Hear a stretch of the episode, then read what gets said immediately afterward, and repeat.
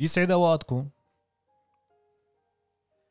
وبعد ما سمع الوزير كلام الملك يونان والحكاية اللي قال له إياها عن السندباد. قال له الوزير يا ملك الملوك أنا لا بقدم ولا بأخر والقرار قرارك لكن خوفي عليه هو اللي خلاني أقول لك.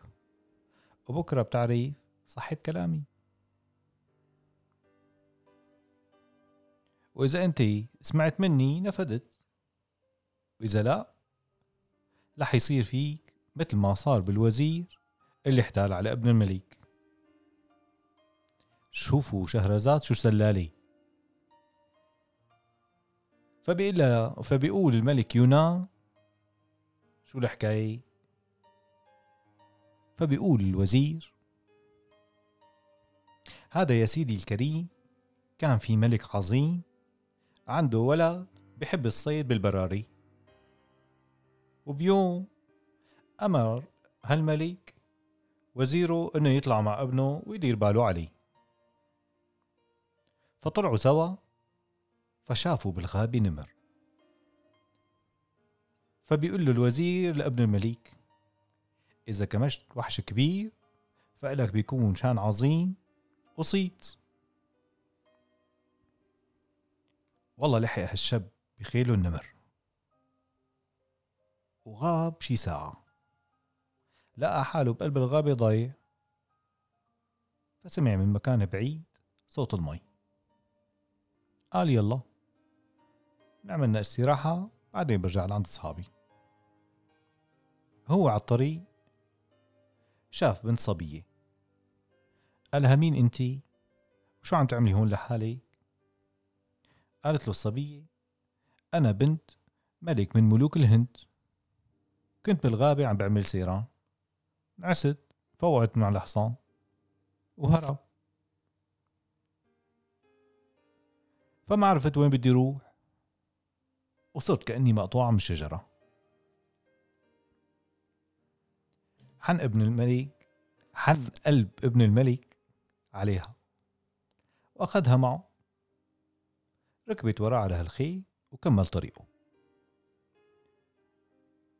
لما وصل على النهر قالت له يا مولاي بعد إذنك بدي أقضي حاجة. فنزلت وراحت لمكان السترة. ونزل هالأمير يشرب ويسقي خيله ويتوضأ. بعد فترة حس إنه البنت تأخرت. فقرب للمكان اللي هي فاتت عليه ومشي شوي شوي كرمال ما يخوفها. فسمع صوت وتوتي. صوت مرة عم بتقول يا ولادي افرحوا جبت لكم معي شاب معجعيج فقالوا الولاد يلا يا ماما جعنا. فرجع الأمير من خوفه ووقع.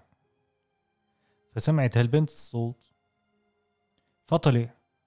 وإذ بتكون هالبنت غولي. بتتنكر بصفة الإنسان كرمال تصيد البشر تأكلهم وتطعمي ولادها وشافت الأمير على الأرض. ومن الخوف ما له قدران يتحرك. قالت له شبك هيك حالك؟ لتكون كنت عم تبصبص علي. قالها الأمير خايف من عدوي. ناوي يخلص مني. فقالت طيب راضي بالمصاري. ما في شي بالكون ما بينشرى. وانت ابن ملوك.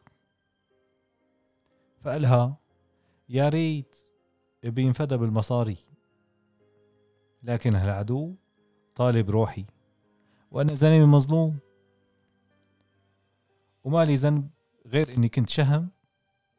وعملت بأخلاق الفرسان. فقالت له إذا كنت مظلوم فاستعين بالله. وإذا كنت سادة رب العالمين بيستجيب دعوة المظلوم. دخيت اسمك يا رب. توجه الأمير للسماء وقال يا من يا من يجيب المضطر إذا دعاه. انصرني على عدوي واصرفه عني. إنك على ما تشاء قدير. فبرحمة الله صارت هالبنت مثل الرماد. اجى يفتش على أولادها لقاهم كمان نفس الشيء رجع ابن الأمير لعند أبوه. حكى. كيف الوزير رمى على الموت وكان واجب عليه النصيحة. فأمر هالملك يقطع رأس الوزير لأنه أخفى النصيحة عن ابنه. وبإمكانه كمان يخفي النصيحة عن الملك. هون الملك يونان حط ظهره على الكرسي تبعه وصار يفكر ويقلب الحكاية بعقله. وهالوزير يزن يزن. شي يا مولاي عالجك بدون دواء. شي طريقة مشيه. شي حركاته. شي بكرة يا مولاي أنت مالك دريان؟ بيقتلك وأنت عاطيه كل هالثقة فقال الملك يونان والله كلامك يا وزير صحيح. وهالحكيم ما له غير جاسوس. طالب موتي وهلاكي. بعدين سأل الوزير. إلا الحل كيف حيكون؟ فقال له الوزير يا مولاي أمرك مطاع جيب الحكيم دويان وخليه يركع قدامك. واضرب راسه تخلص منه ومن شره.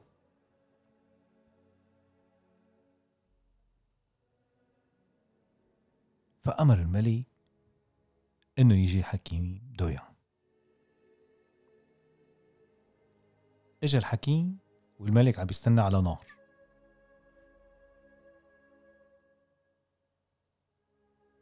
قال له بتعرف ليش جبتك؟ قال له الحكيم دويان الله وحده العالم بالغيب. قال الملك جبتك لقيت استغرب الحكيم دويان من كلام الملك. ومثل ما بنعرف بزمن الملوك ما في مازح فبيسألوا طيب شو السبب يا مولاي؟ صاح الملك لسياف وأمر يقطع رأس الحكيم. وصوته عم بيلعلع بقلب المجلس. وورى الحكيم الوزير وأعوانه قاعدين عم بتشفوا بالمنظر. طلب الحكيم الرحمة وترجى الملك بحق الخبز والملح. عسى ترجع ساعة الحكمة.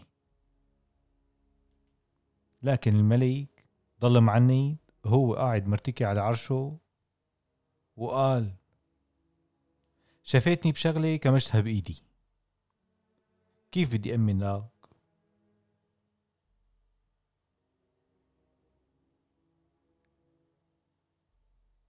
فخاف الملك على عرشه. والحكيم يونا علي بخيوط المكر اللي سوى له إياها الوزير.